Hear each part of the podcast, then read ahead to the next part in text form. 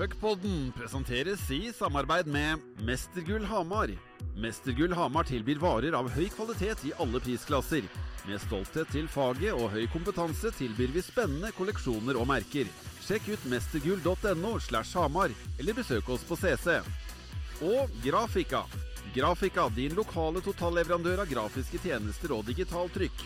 Les mer om hva vi tilbyr på grafika.no. My name is Mikko Rantanen and I love Big Positive. Nå er det puckpod igjen. Nå er det puckpod igjen, og det er puckepod, pod, pucke, pucke, pod, pod. Puckpod!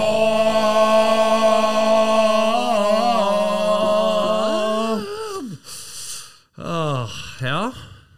Vet du hva, jeg skal starte hele sulamitten i dag med en eh, beklagelse, Erik. Eh, Jeg fikk eh, så velmenende positive ros til meg og deg fra den gamle Storhamar skråstrek Vålerenga-legenden Tommy Martinsen her forleden. Ja. Som skrev at han Det er hyggelig. Ja, veldig, og skrev at han koste seg veldig, og at det var underholdning på nasjonalt nivå. Og så sier han, men hadde jeg vært Eirik, så hadde jeg vært jævlig forbanna på hvor mye du avbryter han med å si ja, ja, ja, hele tida i sendinga. Og så tenkte jeg det var et ekstremt godt poeng. Eh, så jeg måtte gjøre en liten eh, selvransakelse, gå inn og høre noen episoder. Og Alna ja-jabbinga mi mens du prater, det skal det bli slutt på fra, eh, fra prompte dato.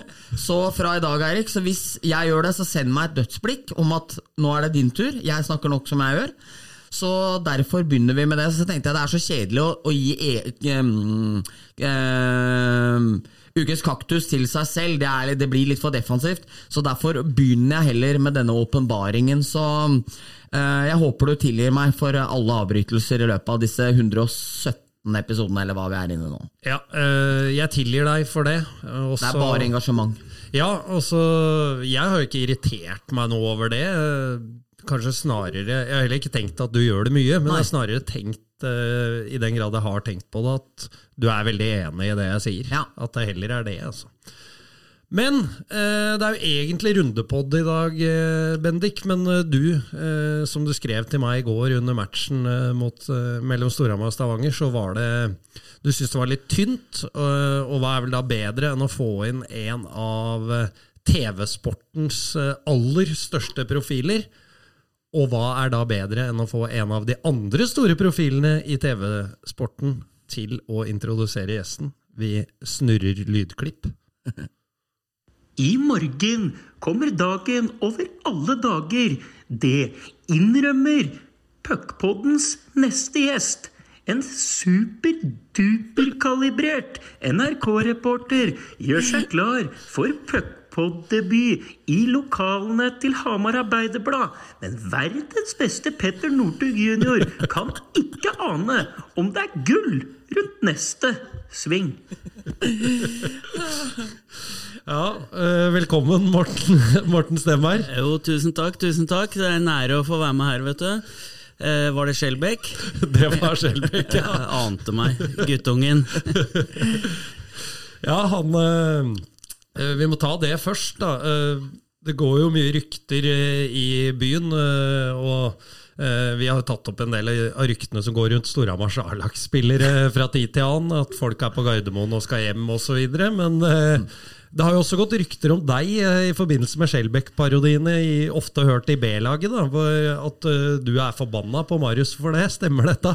Nei, eh, jeg syns det er en ære å bli eh, parodiert av, eh, Marius. Eh, det syns jeg det er en floskel, men eh, jeg bare ler hver gang han holder på. Så det, han har dilta i ræva mi siden eh, han gikk med bleier, så det, det er bare en ære. Så det er mye rykter om meg, det er det helt sikkert. Men at jeg er sur på Marius for parodiene, det er jeg ikke, altså. For det er eh, tidlig morgen i Garmisch-Bartenkirchen, men ikke for Anders Jacobsen. Nei, den voiceover-stemmen, er- der er det like, altså. Ja, det er jo sånn at eh, du kan sitte her og prate helt vanlig, men når du skal legge voice på reportasjer, så får du jo en egen sjanger. Ja. Eh, så det er liksom eh, Ja, sånn er det nå. Ja, det er, eh, det er spot on, i hvert fall eh, fra Skjelbekken. eh, Det er det. Og vekker jo gode barndomsminner òg, Bendik. Du blir jo nærmest litt nostalgisk. Vi har jo sett mye på, på Storhamars tidlige NM-gull, og Morten er jo der òg, ikke sant? Ja, og alt som hele gullæraen med Northug og Bjørgen og Johaug og hele bunten, så er det liksom stemmen av Morten i bakgrunnen over der med, med voicen sin og alle legendariske intervjuer og sånne ting. Vi har jo researcha litt igjen nå. Um, og jeg, jeg husker jo at du skulle intervjue Petter Northug midt i løypa en gang. Ja. Kan, du- kan du ikke fortelle oss litt om både tanken med å skulle gjøre det, og hvordan du syns det gikk? Nei, Det ble i hvert fall jævlig god TV av det. Eh, Intervjuet ble vel så som så. Det var vel eh, under eh, La Diagonela for to år siden, hvis det er den du tenker på. ja. Hvor jeg har liksom, intervjua de som står i fremste rekke. Og Northug han hadde jo gjort comeback eh, etter eh, vært både her og der. Eh, og da mm, måtte jeg gå bakover, og helt bakerst der sto Petter. Men starten hadde jo gått, da, så jeg løp jo etter den, og så holdt jeg på å bli kjørt ned av en som sto ved siden av. Og Petter ler noe jæklig. Og, så nei, det er en av mange, men ja. Hvordan, hvordan, forhold har du til eh, Petter Northug? Jeg husker jo altså han eh, det, Noen eh, turbulenser har det jo Noe turbulent har det selvfølgelig alt vært, med tanke på hvor stor han var. og det er mange gull og store øyeblikk, men også noen nedturer. Og når man på en måte jobber så tett på den som da var landets aller største kjendis, hvordan er forholdet i dag, liksom? Forholdet i dag er faktisk meget bra. Altså, nå kan vi ringes, og, og i fjor hadde vi, eller for et drøyt år siden, så hadde vi en, en nyttårsaften sammen i, i Sveits. Men altså, han han har holdt jeg på å si, forandra seg fra å være den største drittsekken av alle idrettsutøvere til å være verdens mest hyggelige menneske. Ja. Han er eh, veldig, veldig nedpå nå, prater med alle, lar, uh, blir tatt selfie. Jeg var, jeg var sammen med henne i helga på Marcialonga, og, og han er så jordnær og, og rolig og, og fin at jeg, jeg hadde aldri trodd for seks-sju år siden at uh, han eh, Petter Northug anno 2024 er en eh, sindig og rolig og veldig ålreit kar. Nei, det er kult. Det er uh, hyggelig å høre, det er det ikke noe tvil om. Uh, nå fikk vi jo for så vidt en liten eh, story om gjest uh, her nå, da, med, med den hendelsen og det intervjuet. Vi skal snakke litt om karrieren din i sin helhet også, Morten. Og, Min? Eh, ja, eh, din karriere. Og eh, det starta jo her i HA, hvis våre kilder er rett, Bendik. Og der hadde du også en story om gjest. Vi kan starte med det. Men hva var det nå? Det var at kallenavnet hans er Speddy. Ja, ja, ja den, den syns jeg er så enorm, fordi det ryktes at en ung Morten Stenberg skulle på en søndagsvakt prente inn litt Premier League-resultater på resultatsida. Eh, det var jo på den tida når Vi mimra litt her nå. HA-sporten hadde egen vaktsjef på utenriks i Hamar Arbeiderblad. Altså, så fjongt var der. Henning Holte Christensen han ble sendt ned med privatfly til Danmark for å teste en Citroën. Så HA hadde jeg si om det. Men i hvert fall da skulle Morten legge inn litt eh, nyheter, og Gary Speed hadde golla én eller to, og det gikk vel litt unna. Og det som skulle være dobbel E eh, og 1D, det ble til 1 eh, E og dobbel D, dermed Gary Spedd.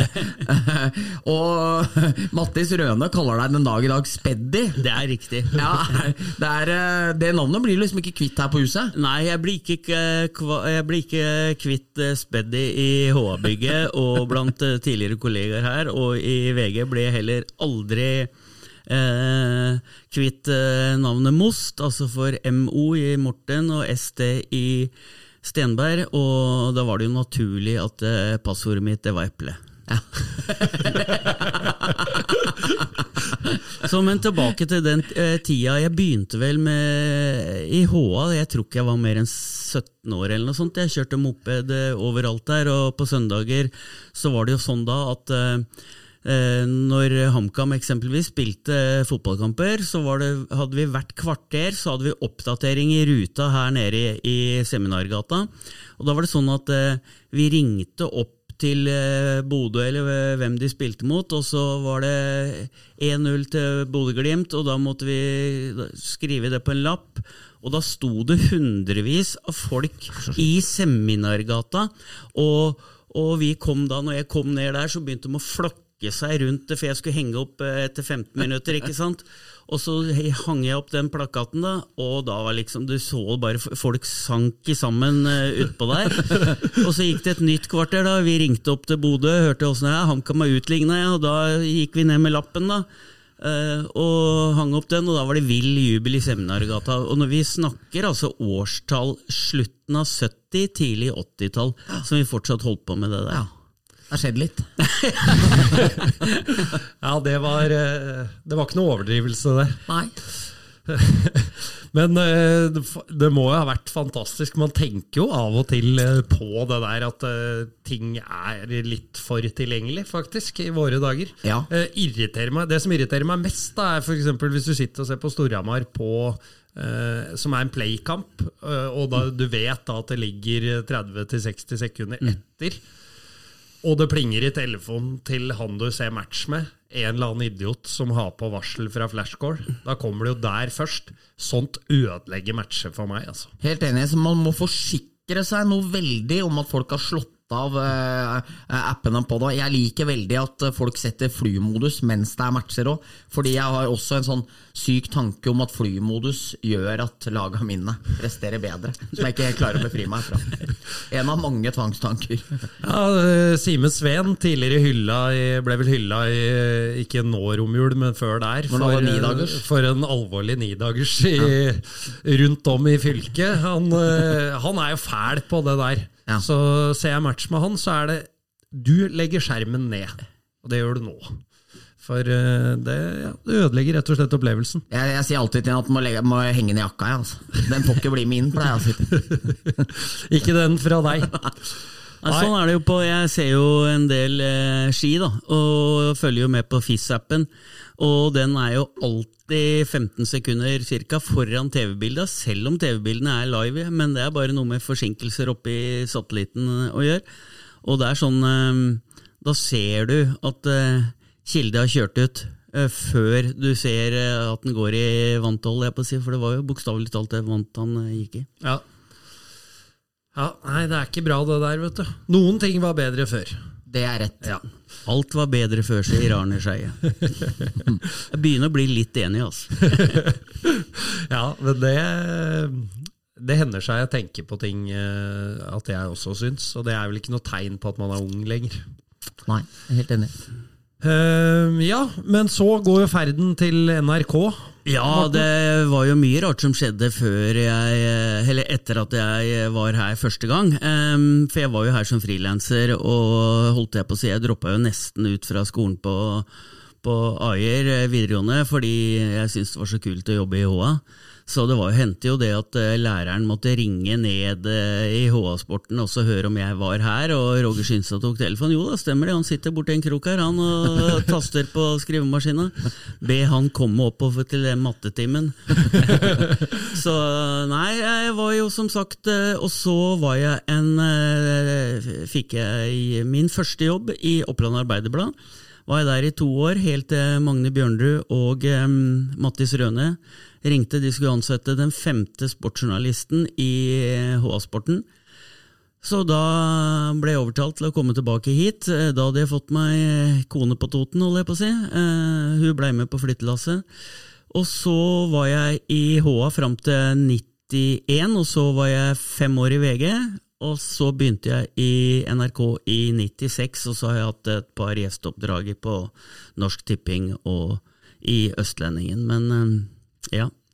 Det var idretten som tok meg inn i det her. altså. Det er ganske rart å tenke på, for jeg skulle jo egentlig til Berlin og studere økonomi eh, etter eh, videregående, men eh, jeg droppa ut av det, og her sitter jeg.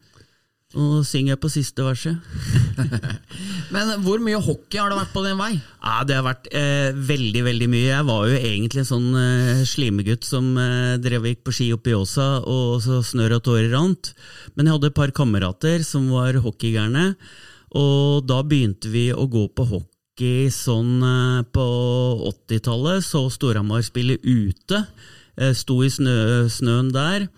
Og så husker jeg liksom at det skulle bli halv på Hamar. Det var svært. altså Vi skulle få halv, vi skulle slippe å stå ute i snøva. Og så bygde de da, holdt jeg på å si, gamlehallen, og da måtte de flytte hjemmekampene sine til Børstad. Og det året var det helt ekstremt mye snø. altså Det var altså sånn ti meter høye eh, snøkanter rundt den isen, og der sto vi altså mange hundre og så Storhamar spille. Og så kom jo da hallen, da, og det var jo altså eh, tida i gamlehallen. Med Jimmeren og Erik Kristiansen og Åge Ellingsen. Altså, det var, det var tid, altså. Det er flott og fint uh, vært det i 30 år nå, men tida i gamlehallen den var helt unik når Vålerenga kom, eh, og du måtte være halvannen time Uh, før uh, kampen starta i hallen, uh, hvis du i hele tatt skulle få plass. For det det var sild i tønne.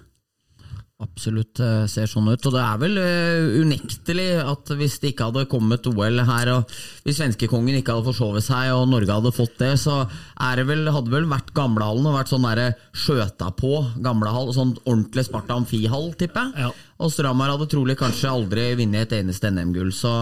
Og de 90-tallsheltene med Salsten og Thoresens og sånne ting hadde kanskje ikke avla opp sønner som har gjort at laget hadde vært like sterkt i dag. Så, og kanskje hadde folk gitt helt faen i podkasten vår, for da hadde vi sittet her og hatt sånn Lørenskog-aktig pod, og det er ikke sikkert hadde holdt for folk. Det er, jo tre, det er jo 30 år siden OL på Lillehammer og Hamar og Gjøvik nå, og tenk på alle de anleggene vi har fått, og holdt jeg på å si alt fra veier til idrettsanlegg, og Innlandet og Hamar og Lillehammer hadde ikke vært i nærheten av hva de er i dag, om det ikke hadde vært det, det OL i 94. og vi jeg hadde med meg en i, på kamp i går som ikke hadde vært eh, på kamp før. Og, og er denne hallen her 30 år? Sånn, ja, se, den er jo fra, fra 94, ble jo åpna i 93. Og det er jo helt utrolig hvor bra hall Hamar har. Og nå skal det jo sies at det er jo blitt pussa opp både her og der. eh, Tak og vegger og garderober og sånn, men altså Ja. Takk til eh, svenskekongen. Ja, er, ja, og en spansk fascist. Det er jo bare utrolig hva man kan få til i, i se der. Er det, Er det alt du trenger? Ja, det er alt du En, en sovende svenskekonge og en spansk fascist. Det er, det er veien til fine idrettsanlegg på Innlandet. Ja, eh, men det var jo litt i grevens tid også, hvis du ser på hva OL har blitt, eh, har blitt nå, og hva som kreves liksom, av størrelse på byer og infrastruktur. Og du hadde ikke fått arrangert noe vinter-OL eh, i disse tider, da, med, med folk i leiligheter på Snekkerstøfelt. Og, så det var en annen tid, og i siste liten sånn sett. Ja, det var det, altså. Og, men jeg mener jo at uh, Norge uh, burde søke om et uh, OL igjen. Ja, altså, og bru, gjenbruk eh, av eh, mange av de anleggene. Bob-anlegg, eh, flere haller som er mer enn gode nok. Jeg kommer jo rett ifra det neste vinter-OL-byen. Eh, Marcialonga, eh, Cavalese, Val di Fiemme. Der skal det være hopp, og det skal være langrenn kombinert. Altså, Første gang jeg var der nede, det var i 1991. Har ikke skjedd en dritt siden eh, da. Og veia er like dårlig, så hvordan det skal være klare å bli avholdt eh, OL i den lille byen og den lille dalen, egentlig, det er for meg en gåte. Så da burde vi helt klart ha gjort det samme på Lillehammer, Hamar og Gjøvik. Ja, vi får krysse fingra. Det hadde ikke vært kjedelig, det. Å få oppleve litt. da. Nå mimra jo sist, eh, når Bent var her, om, eh, om denne VHS-en fra Lillehammer-OL som eh, ble sett i hjel. Og det hadde vært stort å få oppleve det på egen hånd også, Bendik. Ja, helt avgjort. Og Oslo prøvde seg jo for noen år tilbake der, og bystyret og regjeringa gikk vel inn for et nei. og Espen Sjampo Knutsen sa vel at noe sånn som at når det var de som ble valgt sist til gymmen, som skulle avgjøre, så, så ble det bare ikke så Da ble, da ble det ikke noe OL. Og, uh, det ble jo, husker jeg, litt reaksjoner på det, men, uh, men nei, det hadde vært jævlig fett med et OL. Tenk hvor nære vi var, Erik. Jeg og du, liksom store sportsentusiaster, glad i historie, alt som er. Jeg var tre og et halvt, du fire og et halvt. Jeg husker absolutt ingenting. Det er sånn, Foreldra mine vil så gjerne at jeg skal huske Ja, det var jo da vi var hos beste Ja, ja, ja. ikke sant? Ja, da Forsberg skåret Ja, ja, ikke sant. Men jeg, men jeg husker det jo ikke. Det er jo liksom Jeg, jeg har mange ganger liksom Ja, kanskje jeg husker det litt, liksom. Men nei, jeg var akkurat for liten. Du husker det du har sett på VHS-en? Etterpå, ja. ja. Og Hvis du tenker på kostnadene var med å bygge der, kan dere gjette hva det kosta å bygge Vikingskipet og eh, eksempelvis Gjøvik-Kveldal? Eh, nei. Nei. Vi, vi kan Men jo altså, ikke det. Nei, eh, men altså Vikingskipet kosta omtrent eh, 250 millioner. I dag ville det sikkert kosta 2,5 milliard, ikke sant? Og, og, og Gjøvik Fjellhall, som de har sprengt ut altså vanvittig, den eh, tror jeg kosta 168 millioner.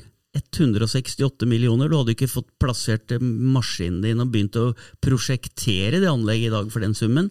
Og de anleggene er fullt mulig, mener jeg, å kunne arrangere olympiske leker i 2030. Det er bare seks stupetårn. Det. Faktisk. Ja, det, er ikke, det er ikke så mye når du ser sånn på det. Det er litt mer value med å bore seg innover i fjellet der og få til den sinnssyke arenaen der, kontra seks sånne, byer sånne eh, stupetårn som vi har her nede. Og ikke minst, da, i og med at dette er en hockeypod, så må vi si eh, Nå er vi jo litt på gang igjen, har jeg skjønt, samtalen mellom, eh, mellom eh, NHL og, og IOC også, for å få NHL-spillere med i OL. Ja. Tenk hvor fantastisk det hadde vært å fått uh, toppa lag til et vinter-OL i, i Norge. Mm. Det hadde vært helt rått. Vi skal holde oss litt til uh, hockey.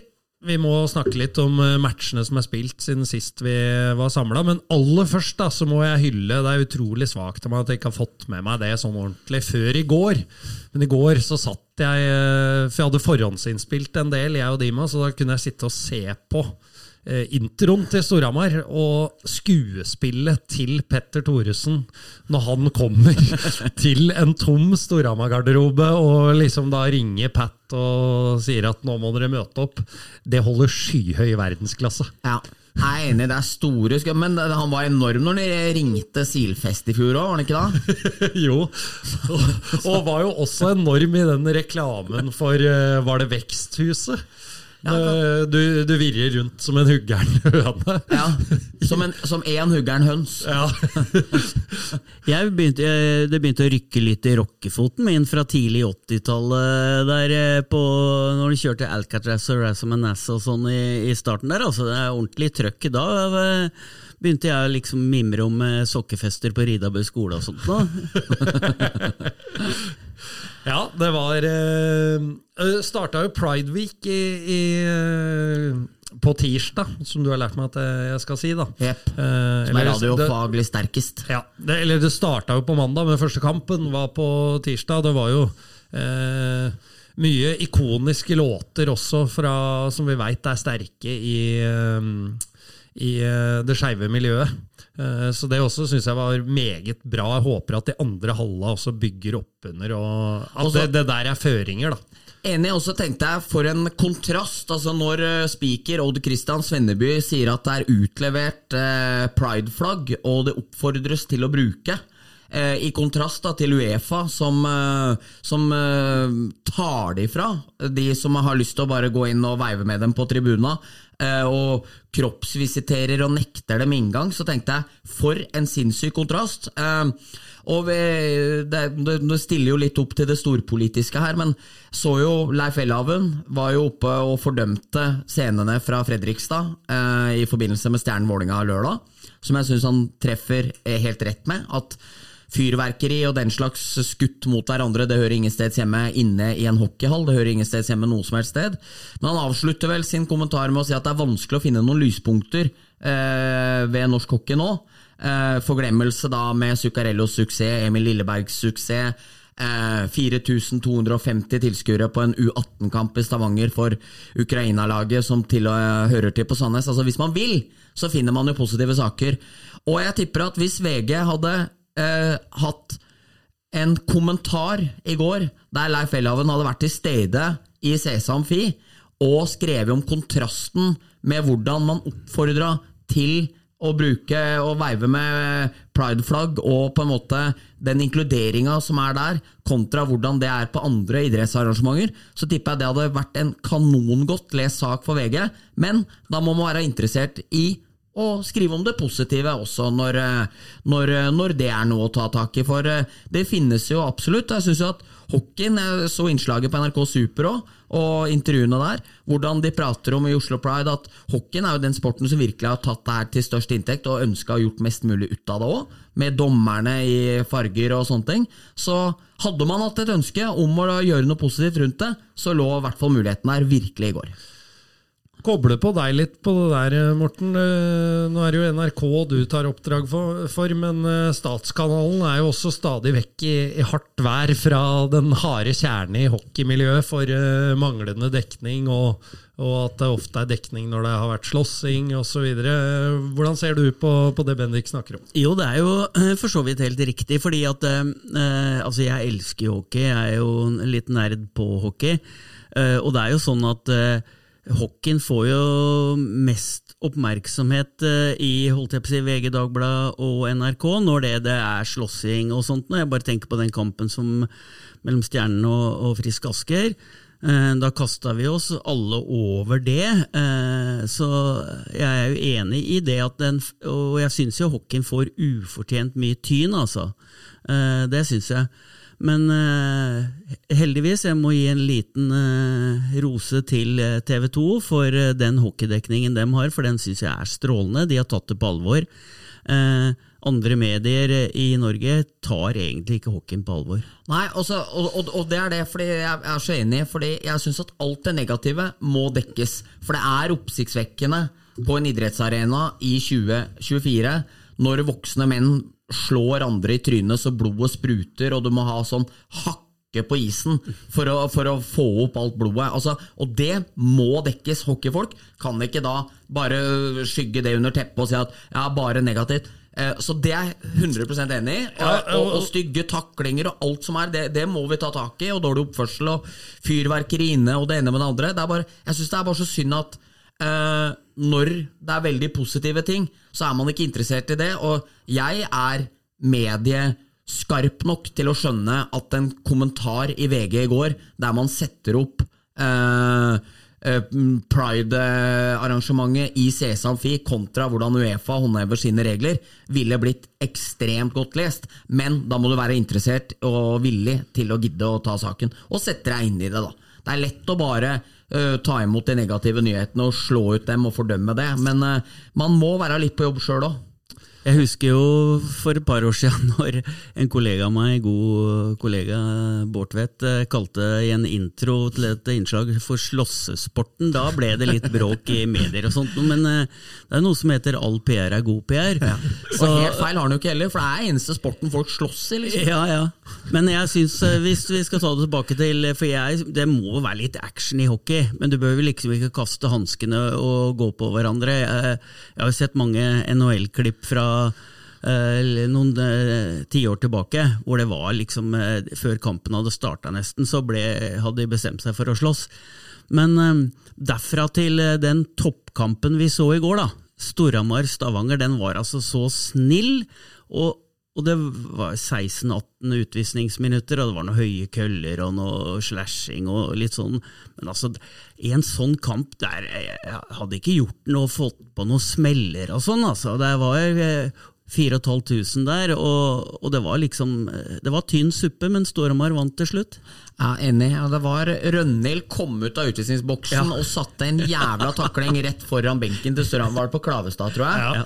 Den var eh, Det løfta publikum litt. Uh, så ja, Siste i den der lille mikrosegmentet her med slåssing òg, så fikk jo jeg en telefon av uh, poddens poddens lytter Jon Svarstad, den tidligere linjedommeren, som faktisk dømte i OL i 94. Som eh, jeg tror han trodde at han skulle ta meg skikkelig når han sa det at uh, Går ikke an å, kritisere han da med Malka, vet du, og så neste øyeblikk så synger du Rocky-sangen for Martin Johnsen, og han slåss uh, mot Stjernen. Og så tenkte jeg, du har jo rett, det er noen dobbeltmoralske uh, ting her, Men det er jo forskjellen på alvorlighetsgraden som jeg syns gjør at når Martin Johnsen blir litt småleksa opp av han Gjerdeskog mens han beskytter seg sjøl, så er det noe helt annet enn den volden vi så i Fredrikstad. Men eh, enig med Morten. Eh, litt tam og litt kjedelig, litt stusslig.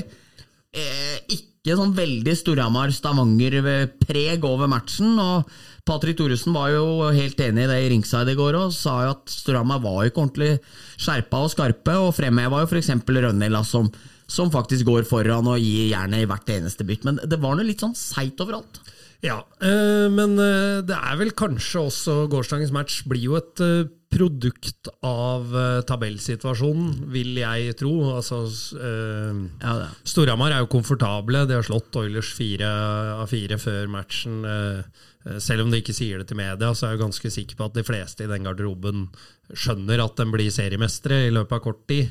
Eh, og da blir det kanskje litt mer å unngå skader. Jeg veit ikke. Det er sånn som kan snike seg inn. Ja, og så mangler Storhamar sin eh, opprinnelige førstemålvakt i Trym Gran. De mangler førstebekken i Kindle. De mangler Eirik Salsten, som er per nå, etter Patrick, kanskje ligaens beste nordmann. og i tillegg så er jo på en måte Jakob Lundell Nord, som i januar og februar i fjor var ligaens kanskje beste spiller i den perioden, han nevnes jo nesten ikke når han ikke er med nå, pga. alle skadeproblemene han har hatt. Altså, de mangler fire spillere da, som i prinsippet hadde gått inn i de to første rekkene med, med og i buret i alle lag, utenom kanskje i Oilers, liksom. Så det er, det er heftig, og allikevel så, så vinner de jo Skuddstatistikken 32-26, spiller undertall hele tida og vinner allikevel, liksom. Det, og Oilers sine mål på toppen av alt føles egentlig ganske enkle. Men er det ikke litt farlig å slippe seg ned, sånn som jeg syns Storhamar har gjort nå, med tanke på at de skal jo inn i I løpet av en måned nå så skal de inn i noen viktige sluttspillkamper, og hvis de liksom suller seg ned på et nivå så vinner komfortabelt eh, mot Lillehammer 4-0 Men da var de gode, ass. Jo, jo, jo. Men um, de slet jo med å score, da. Ja, det gjorde de. Men jeg føler liksom at den kampen på Lillehammer også, det 51 tellende skudd, og da var det, da var det dratt av litt, liksom. Og stjernematchen er vel kanskje ikke all verden, men de to bortekampene mot Vålinga og Lillehammer mot arge rivaler, fytte grisen 10-1 sammenlagt. og ja, jeg syns de er sharpe, egentlig, men det er klart, tirsdagens kamp var et lite steg ned. Men uh, hva tenker Stavanger, da, når det ikke er i nærheten? Eller det er jo nærheten, er det jo, men når de ikke klarer å få med seg noe fra den matchen her heller, liksom? Da hadde jeg vært litt bekymra. Men uh, jeg tror, da, altså hvis uh, Stavanger skal gripe et halmstrå nå, uh, for dette kan fort bli finaleoppgjøret igjen, ja. så må det jo være det at tre matcher, selv om de har tapt de tre, som har gått to til forlengning og én til straffer, så, så, har de jo tre uavgjorte, sånn sett, eh, som det er mulig å vippe i sin favør i en finaleserie. Og så har det blitt helt rundspill til de to de har tapt. Ja. Men jeg, eh, tror, jo, litt, jeg tror Stavanger blir bra i sluttspill, altså med Heier og Nå har de fått inn eh, Men han eh, nye de slang innpå i går, han, ikke, han, gikk ikke på vannet, altså. Nei, det blir Han har jo spilt i en annen liga også. Skårer jo annenhver match der i snitt. Så det blir spennende å se. Han hadde jo fått den fine rollen. Han kommer til å få noe pass av Kissel i løpet av sesongen. Han hadde en mulighet. Han skjøt vel enten i maska på sensor eller i tverrleggeren der der ganske tidlig i kampen i Powerplay. Jeg syns ja. han eh, ja, viste liksom noe i de special teamsa, at det var noe der. Det blir spennende å se utviklinga hans. Uh, vi nevnte Lillehammer-matchen. Uh, der hadde jo TV2 sin Ja, det er godt innspill, Bendik. Vi må ha litt reklame først. Puckpodden presenteres i samarbeid med Økonomipartner Hamar. Vi i Økonomipartner Hamar er svært opptatt av å ikke bare være en solid tilbyder av regnskapsmessige tjenester, men også være en god sparingspartner for våre kunder. Sjekk ut okpartner.no. Og Vestrum AS. Vestrum AS bygger nyttekjøretøyet du ønsker. Sjekk ut vestrum.no. Vestrum med W, altså. Ja, prøver igjen, jeg, da. Prøv igjen. Eh, på Lillehammer, i Eidsiv Arena, så var det feige lag. Og TV 2 sin ekspertkommentator, poddens gode venn, han var on fire. Men eh, han, eh, han, skal selvfølgelig få introduksjonen sin før vi snakker litt om han, eh, Bendik.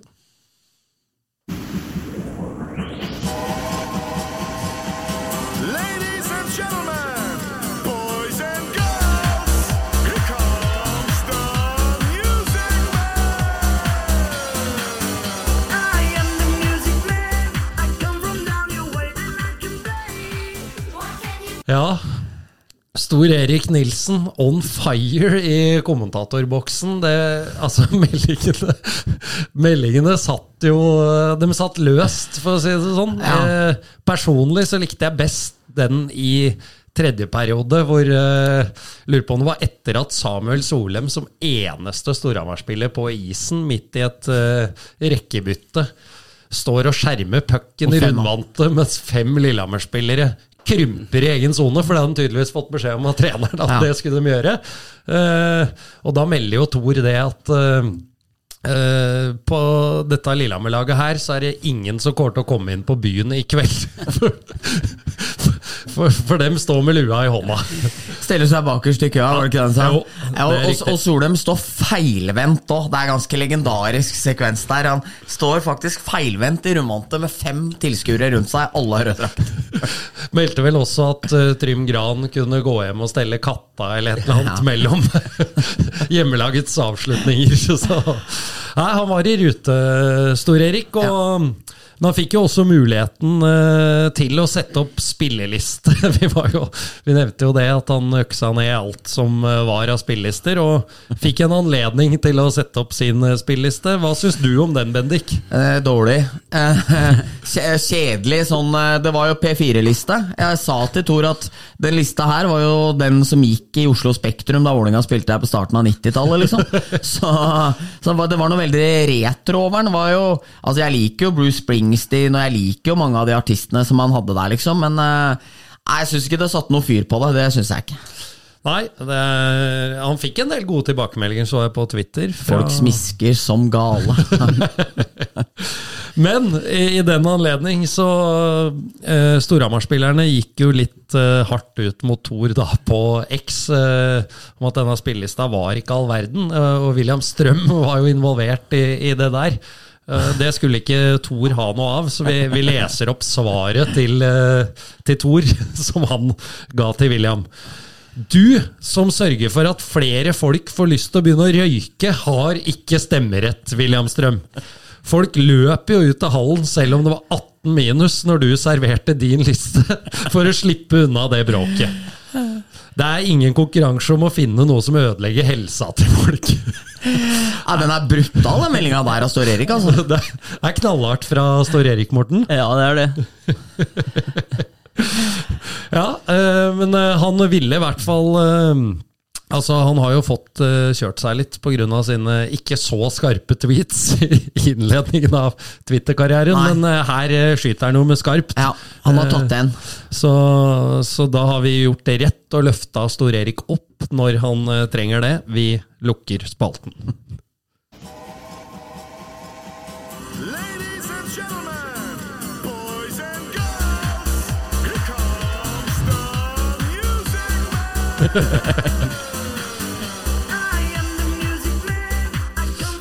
Ja, nå er han fornøyd. Nå er han fornøyd. Meget bra. Uh, Han har fått sin hyllest. Vi må snakke litt uh, Vålerenga. De har avgitt uh, nye poeng. Og uh, det blir et race mot uh, Oilers. Ja, det gjør det. Var De avgir jo poeng jevnt og trutt nå. Eh, skulle jeg ønske du satte meg opp med hvem det var mot. Ja, de tapte mot Stjernen etter straffer. I den matchen der, selvfølgelig. Eh, og det var jo en kamp eh, Det var jo en kamp som da ble stoppa lenge pga. de hendelsene som vi tidligere var inne på her. Eh, men jeg skjønte at Vålerenga var aldri best i den kampen. Fikk 2-1 mot spillets gang etter at Stjernen hadde dominert veldig. Stjernen kommer tilbake igjen, uh, skårer, og så blir det jo straffer til slutt der. og og Stjernen har jo faktisk ganske bra tak på ordninga. Og vi kan komme i en situasjon nå, hvis Oilers kommer foran Vålinga på tabellen, så er det jo helt obvious at de tar den av Lørenskog og Lillehammer som blir igjen. Da vil, hvis Sparta blir nummer fire, da vil Vålinga måtte stå og velge mellom Frisk eller Stjernen. Frisk har de slått 13 ganger på rad, eh, mens Stjernen har de jo to tap mot nå. Stjerna er mye dårligere, mye mye dårligere hockeylag enn eh, Frisk. Men hva gjør de da? De slo Frisk 4-0 i matcher i fjor. Eh, husker nok det veldig godt. Den der kan jaggu meg bli hodebry. Altså, jeg, jeg tror ikke Vålinga ryker i en kvartfinaliserie uansett, men eh, Det er ikke noe moro å skulle velge et lag som faktisk har litt grep på deg, og når det andre, presumptivt, bedre laget, eh, har du slått 13 ganger på rad, det er litt eh, hodebry for den godeste Andersson inne på tror. Ja, for når du har Moralen er jo å bli nummer to, da. Ja, men når du har 13 seire på rad, da veit du at det tapet kommer eh, Ja, Det snart. begynner, det. vet du Det ligger, det ligger og lurer. Men det ligger vel an til eh, Oilers mot Eller Oilers, som vi sier. Jeg hater noen Stavanger Oilers. Jeg klarer ikke å si Frisk Asker, eller altså, jeg kaller det bare Asker. Ja. Ikke noe frisk på deg? Nei, nei, nei. Asker. Ja. Ja. Og samme Oilers eh, Oilers. Men eh, Oilers? Ja, Oilers. Det er lystigere. Men i Bodø blir de visstnok brydde hvis du kaller fotballaget for Bodø, for det heter Glimt. Det er Ja. fått sånne sure Ja, ja. mailer og sånne folk oppi der liksom at uh, de heter ikke det, de heter Glimt, liksom. Det er derfor det er sånn motsatt slash. Men det har de gjort i 100 år, så Ja, det er altså. det er litt med det. Men Men altså, så det, står det ikke Bodø-Glimt på tabellen. den, jo, Jo, jo, jo. Men, men, men det skal aldri omtales som kun Bodø. Altså Hvis Bodø skal være med, så skal Bodø-Glimt være. Ja. Eller så er det Glimt. Blir det litt som at alle folka i Oslo i hvert fall kaller Storhamar for Hamar? Ja, veldig mange gjør det. det særlig på Ask, i Asker gjør de det. Ja. Ja. Det er derfor jeg tar litt til eh, motmæle med å si Asker. ja. For det er jo et par på X eh, i Asker som eh, hater eh, Storhamar. Men eh, det ligger vel an til Stavanger mot uh, Vålerenga i en semifinale. Ja, jeg tror det er ganske klink hvis vi ser inn i kula at det blir, uavhengig av hvordan kvartfinalene blir, så er jeg ganske sikker på at det blir Storhamar-Sparta i semi og, og Stavanger-Vålerenga i den andre. Jeg ser også for meg det.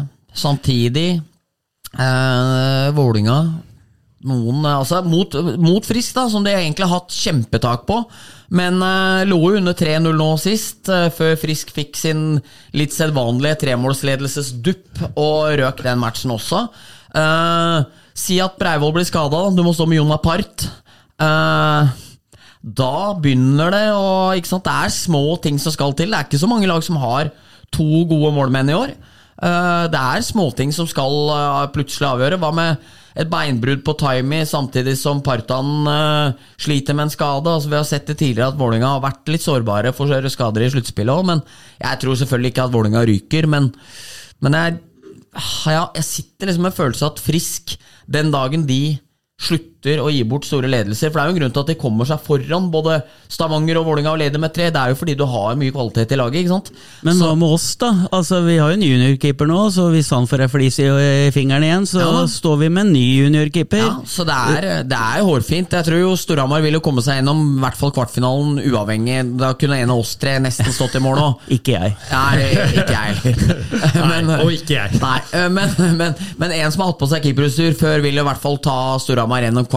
Det er jeg relativt trygg på. Men kommer Storhamar til å hente en eh, holdt jeg på å si, veterankeeper nå, eller sånn eh, for high back? Jeg, eller jeg veit faktisk ikke. Vi skal sjekke det der ut i dag, hvordan, og hvordan regelverket er òg. For det er jo litt interessant det òg, med tanke på overgangsnekten og det ene med det andre. da Ja, fordi jeg har sett noen henviser til eh, dette med Altså, du, man har jo unntak fra Det er vel kanskje også overgangsreglementet for øvrig. Eh, altså Ja, det vindu, hvis du skulle få en skade på keeper. Men gjelder det når, så lenge du har en seniorkeeper i troppen? Ja, men du har ikke noen seniorkeeper i troppen. Nei, altså Markus er jo junior per def, men Ja, ja. han er jo et fullverdig medlem, da. Jeg Ja, vet ikke om det har noe å si. Han er jo 04, og, og Johansen er jo 05-er, så Jeg ser jo, altså Ole Martin er jo en fin fyr, han og til tross for at den er fra Kongsvinger, men eh, Men jeg, jeg ser jo med litt med skrekk og gru hvis vi skal inn i sluttspillet med, med bare Markus, da.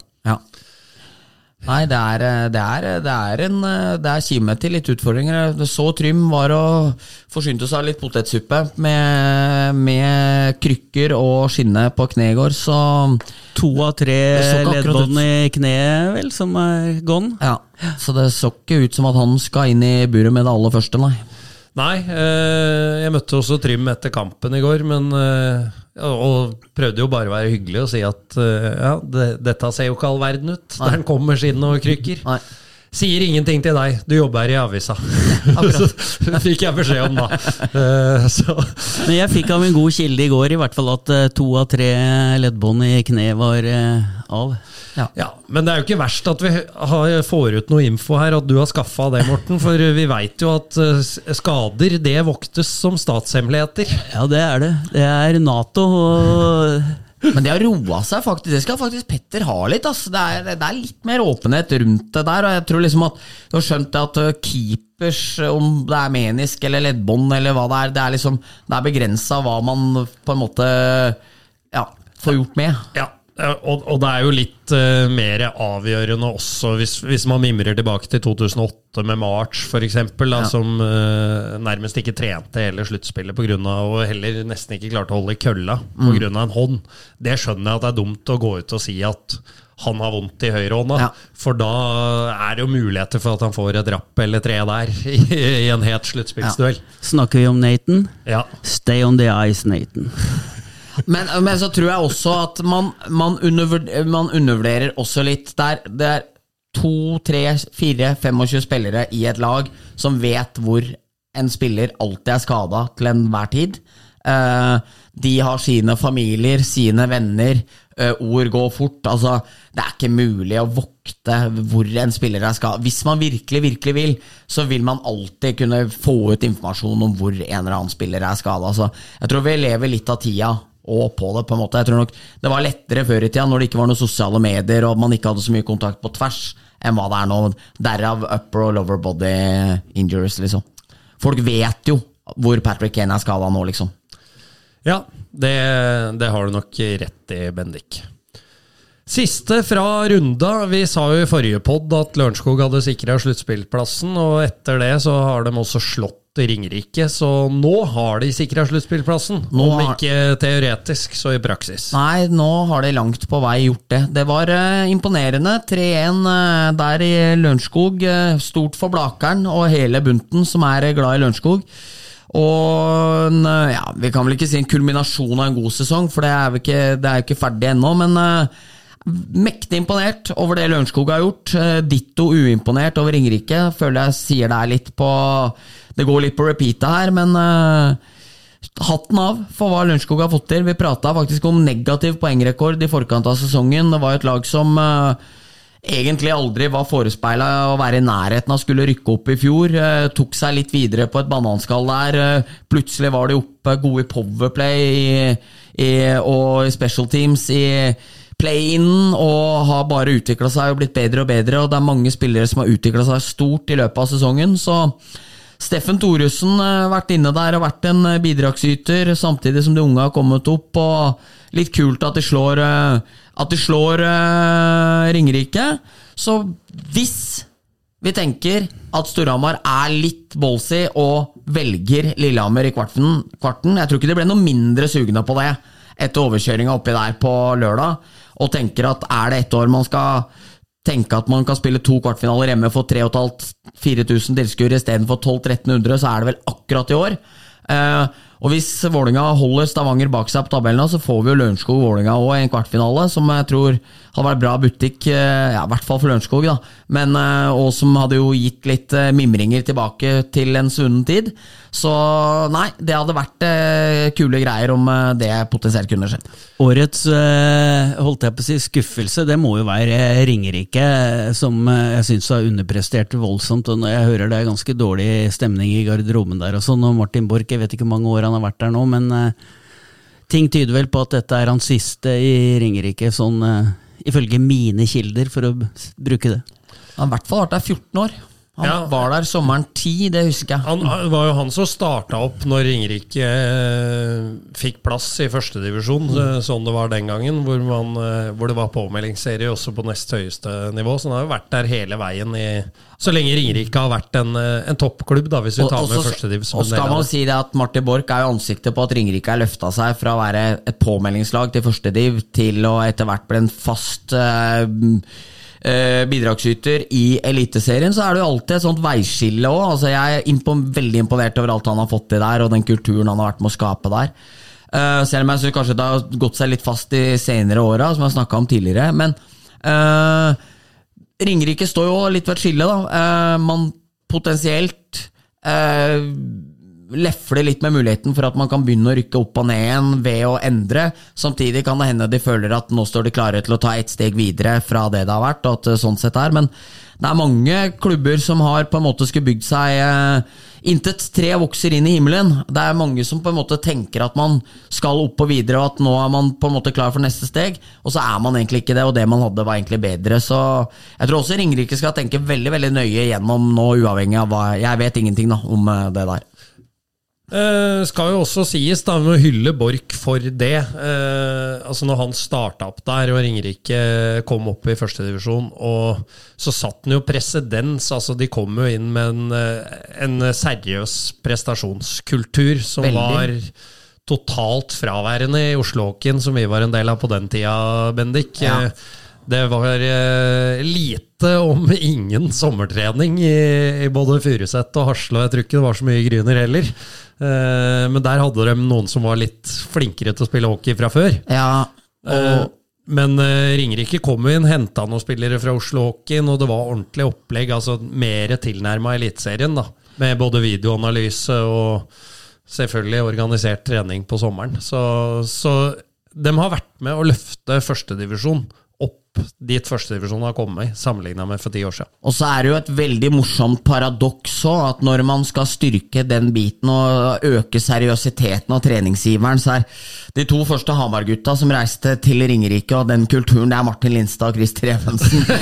Det er to, to menn som er mer glad i beger, Liverpool og golf enn, enn å trene seg i hjel på sommeren. Så, Det er riktig, men det men- er nok også to menn som trenger å få beskjed om at du skal trene fra seks til halv åtte. Det er rett. Eh, og og jeg, jeg tenkte faktisk litt på Christer i går i forbindelse med Ringerike. Jeg husker at eh, Vi må jo si da Christer Evensen har prata med han tidligere at det er en av de mest gudbenåda hockeyspillerne hva angår talent. altså eh, Måte å kunne forskyve seg fort frem og tilbake på. altså Retningsforandringer, spilleforståelse. altså det var, det var noe sånn helt internasjonalt over i veldig veldig ung alder, men større drittunge på isen har det heller aldri vært. Eh, jeg har vel sagt det her tidligere, men jeg husker mora hans med, med, fra Valdres hang over slusa i Manglerudhallen eh, for å skulle levere noen bagetter til oss etter at vi hadde tapt andre kvartfinale. Da var du med òg, Erik, Ja, ja. med Hasse som trener. Og Christer bare slo bort Det så ut som noen der pinjata. Man bare sveiva vekk den plastikkposen. Ja, men Christer, vil du ikke ha bagettene dine? Og så bare pang! Der hang det der, den der pinjataen bortover i tribuna. Og, og forrige gang så, forrige gang du fortalte den, jeg husker det veldig godt, så, så var det vel også med etter han hadde knocka bort den bagettposen fra mora, så var det 'hold kjeft, jeg skal på Mækkern'! Ja, ja, ja. ja det er riktig. Og han fikk ti minutter en gang òg. Dette er jo mamma sitt favorittøyeblikk. Plutselig ble han borte på andre sida i Sesamfi, for da lå han og sov på benken. Så gadd ikke engang å se på han når han hadde fått ned ti minutter etter å ha kjefta på dommeren. Men eh, talentet stort. Eh, Ønsket om å vinne stort. Oppførsel ikke alltid så stor, men eh, en legende i juniorhockey, Chris Revensen. Ja, og vi eh, har vel kanskje også nevnt det her før, eh, men det tåler å nevnes en gang til. Han skulle jo også få muligheten på Storhamars A-lag, fikk vel noen kamper. Men under sommertrening på gamle Hamar stadion så var det jo intervaller. og ganske tidlig, eh, midt i første drag, Bordra av Sasha, så sitter jo Christer Evensen oppe på tribuna der. Han har eh, gått av, og Sasha lurer jo på hva, er, hva som er i veien. Han har gressallergi, Ja, så han det. kunne ikke løpe på løpebanen. Sasha ikke så imponert. Eh, Christer Evensen ikke en del av A-troppen den sesongen. Det kunne jo kanskje vært hvis han ikke hadde lagt inn årene på sommertreninga i april. Ja, for det sitter ikke så langt inn når du spiller golf. Den gressall- Gressallergien, da går det greit, har jeg inntrykk av.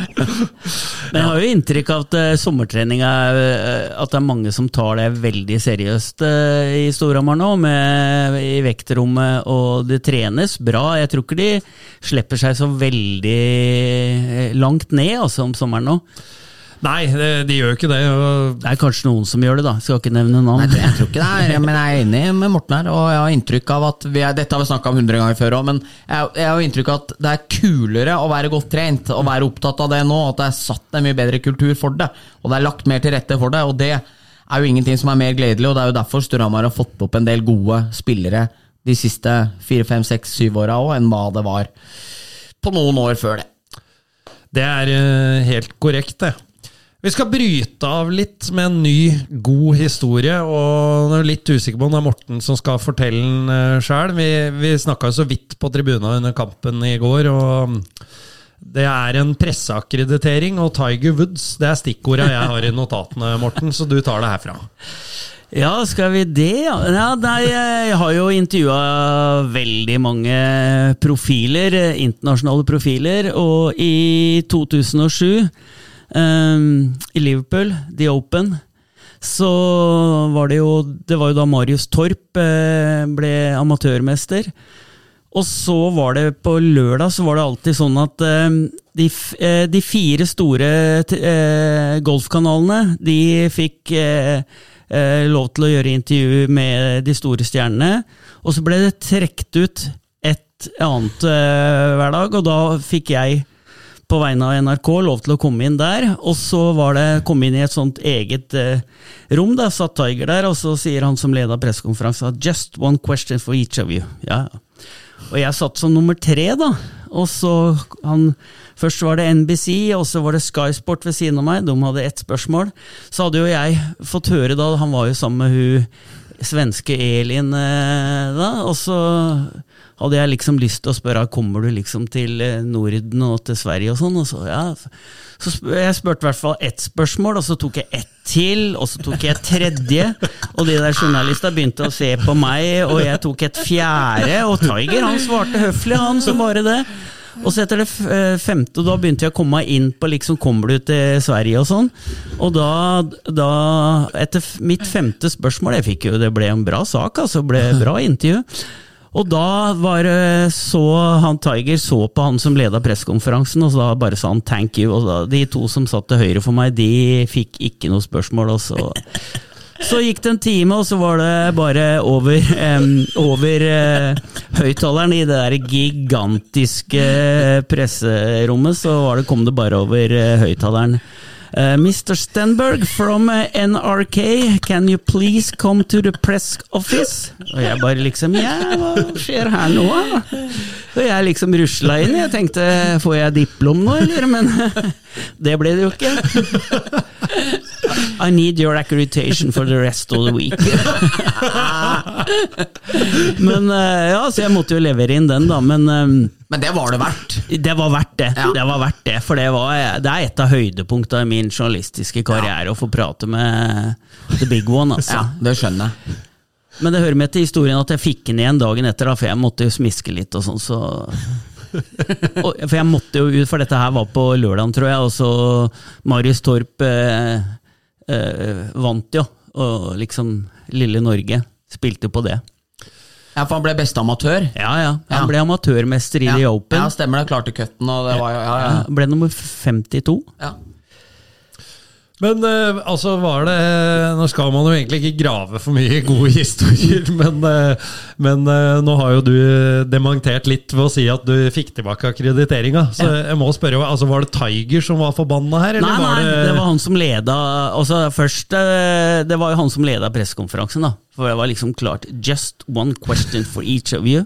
Og de var jo høflige, både Sky Sport og NBC, eller hvem som satt der, men de til høyre fikk jo ingenting, så det, Den kaka tok du? ja. ja. Men, men det er noe av det mest irriterende òg. Jeg tipper, Erik, jeg vet at du hater golfprat, men nå er vi jo så dypt inne i golfen her. Men er du ikke enig i det, Morten, som journalist? Altså Når du ser eh, vinnerne, når du står der etter at det har vært dritdramatisk, og én har slått i vannet og bla, bla, bla, og sånne ting, og så kommer hun Amanda Ballions, flott da med det, eh, der og så bare For you, eh, in front of your family, how important is it? Altså Det er bare sånne flassespørsmål om ting som ikke har dritt med det de har gjort. Ja, ja.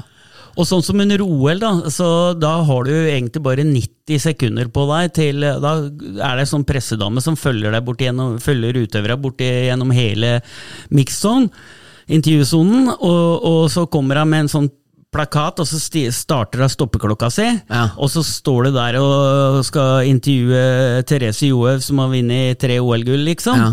Og så er du Og hun prater og prater og prater, og så har du liksom eh, blokka eller huet fullt med spørsmål, og så sier hun 'thank you', og så bare dytter og jorda videre. Og det var det vi fikk den dagen, liksom. Jeg hadde aldri trodd jeg skulle vinne! Og liksom, ja, ja, ja, ja. Nei, selvfølgelig hadde du ikke det.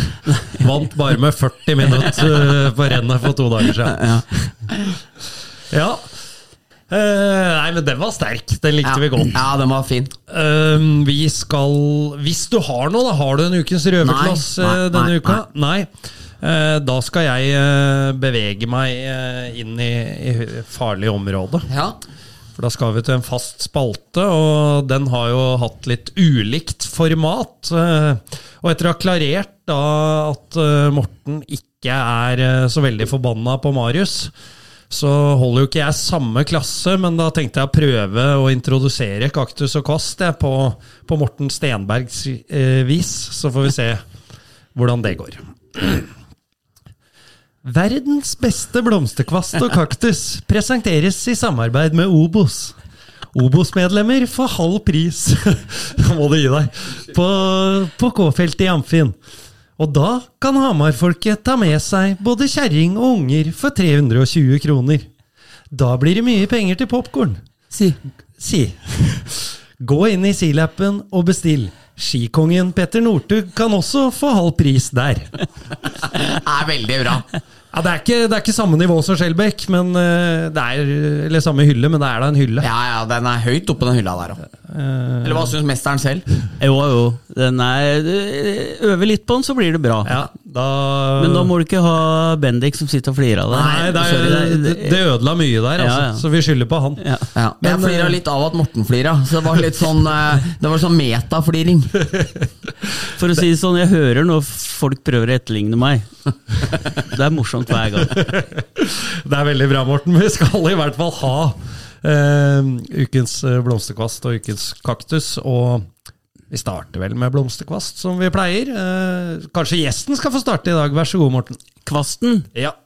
altså rosen Yes. Ja. Nei, Jeg må si det går til eh, Patrick Thoresen, altså. Fantastisk spiller.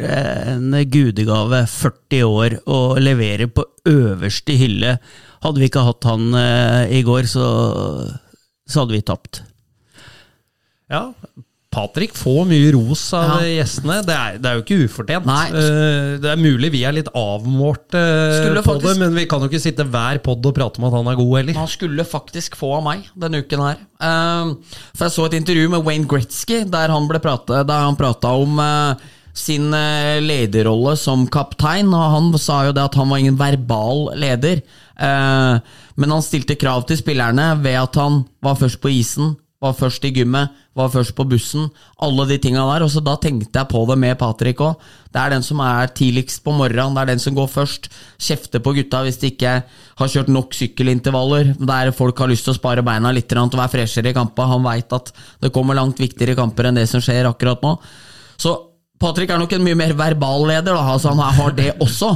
Eh, men det der å gå foran og på en måte sette kultur, sette kurs Jeg veit at det var noen av de yngre spillerne for noen år tilbake igjen som eh, kom presis, men de kom ikke tidlig nok, f.eks. eksempel Og det vet jeg at der var jo Patrick da tidlig oppe og liksom sa at du må jo bruke den halvtimen ekstra på å kjøre i stedet istedenfor å ligge hjemme. Og, liksom, og, og det er noe med å sette den kulturen der, og den dagen han blir borte, så er jeg spent på hvem som eh, Så håper jeg at eh, på en måte andre har lært av de åra de fikk spille med han, til at eh, de kan tenke det. Det er helt sykt at han er 40 år, for han er by far best i ligaen. liksom.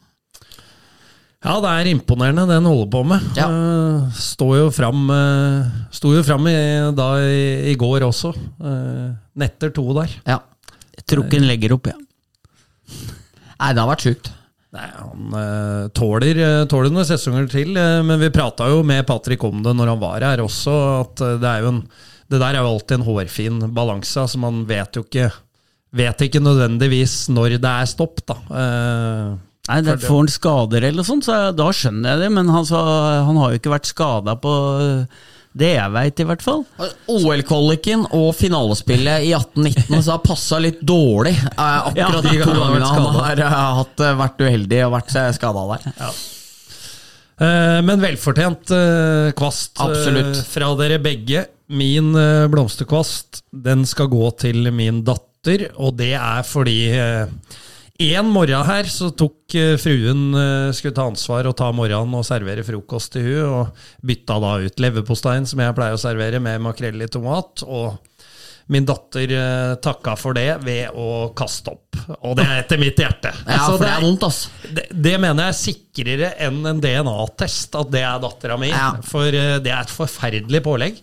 Eh, Så lille Alma skal få den eh, blomsterkvasten av meg for å ja, snakke med tydelig språk om, eh, om hva i hvert fall to av tre i familien syns om makrell i tomat. Jeg har aldri smakt verken det eller det barna mine kaller for kavial. Eh, fordi jeg syns liksom hele greia Altså fisk og fysj på brødskive Altså Jeg kan godt like både torsk og litt laks eh, på asjetten, jeg, men eh, ikke på brødskive, liksom. Så Makrell i tomat. nei, det tør jeg ikke. Nei, det er en fryktelig variant. Ja, nei, jeg altså. tør ikke. Men det er vel et elsk-hat-pålegg. Ja. Jeg, jeg har ikke møtt så mange i mitt liv som sier liksom Ja, det syns jeg er helt greit. Ja. Enten så er det dritgodt, Ja, eller så hater jeg jeg det. har litt den følelsen, da. Så det er, nok, eh, det er nok så, men hylles skal eh, hun uansett få. Det er dattera til pappa, det. Det er li, ja, lille Alma-mor. Yes. Så var skal det sages litt, da. Og Morten, du starter det ballet også. Jeg kunne jo sitte her og saga til i morgen tidlig, fordi jeg blir jo bare kalt Saga på kukrekka. Eh, vi har jo sånn fast rekke der, og, men eh, det er jo bare sånn litt internt, fordi jeg er jo en litt sånn offentlig person, så jeg må jo være litt forsiktig med hvem jeg sager, da. Eh, og jeg har jo mange ganger hatt lyst til å ty til XC for å fortelle hva jeg mener. Noen ganger har du gjort det òg. Jeg har det, men ikke, jeg har ikke vært sånn der Jeg har ikke saga noen Nei, der. nei. Men ehm, hvis vi skal sage noen uh, nå For det første, det jeg vil sage Det er litt utafor boksen, men det er Vy, altså. Vy og Bane Nor. Fytti katta. Fordi jeg, nå har jeg pendla ganske mye til Oslo. Det er ikke et tog som er i rute, altså. At den pendlerforeningen, de må ta tak. Fordi, nei Kyss meg bak, altså. I, for, I forrige uke sto jeg to og en halv time på Stange stasjon. For øvrig skal jeg til Ilseng, altså Stange Station mot uh, Ilseng Prisoners på lørdag. Kan bli en bra match. uh, uh, og så vil jeg Altså, nok om Vy og Bane Nor, men um, en liten sånn saging til Storhamar, faktisk, for billettpriser til altså sesongkort. de er for dyre. Eh, For dyre sesongkort, og så syns jeg at eh, kamper mot Ringerike, Lørenskog og de der, så må de i mye større grad ned på priser. Prøvde i fjor, da, men det hjalp ikke noe. Nei. Nei. Så det er litt trikk i det der, for nå er jo Hamar-publikummet blitt så selektive, virker det som. Ja. Og så også da også forbundet som setter opp tre hjemmekamper på ei uke, og så, og så går det 17 dager til neste hjemmekamp, sånn som de hadde her. i altså Det er helt meningsløs terminliste. Og jeg skjønner jo at den familien fra Åsbygda med mor og far og to barn som, skal på, som elsker hockey, og så skal du på tre hjemmekamper på, på ei drøy uke, det, det tærer på lommeboka, det, altså. Absolutt. Det gjør det. Der fikk eh, Det var mange som fikk det der. Ja. Og skal vi tro Puckpoddens to siste gjester da, i Svele og, og Stenberg, så, så går det ikke så godt i den miljøvennlige transporten, elbiler og tog. For, det, for der har det vært knallhard skyts. Med rette. Eh, Jeg skal gå videre til Lillehammer, som har en helt sykelig trang til å skulle spille Abbas monsterhit 'Money, Money, Money' til Ja, da, motstandere. Da har vi felles eh, Ja. kaktus fordi, i dag. Fordi eh, før i tida så gjorde de det da Oilers spilte der alltid. Eh, jeg vet ikke Det er liksom De har gjort det så mange ganger at det har avslørt seg. Alltid når Oilers skårte.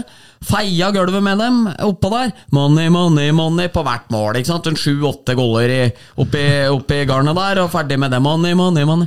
Og så kommer Kangelosi og stjernegutta, Ellis og sånn, og scorer og produserer mot dem. Money, money, money, ja, ikke sant?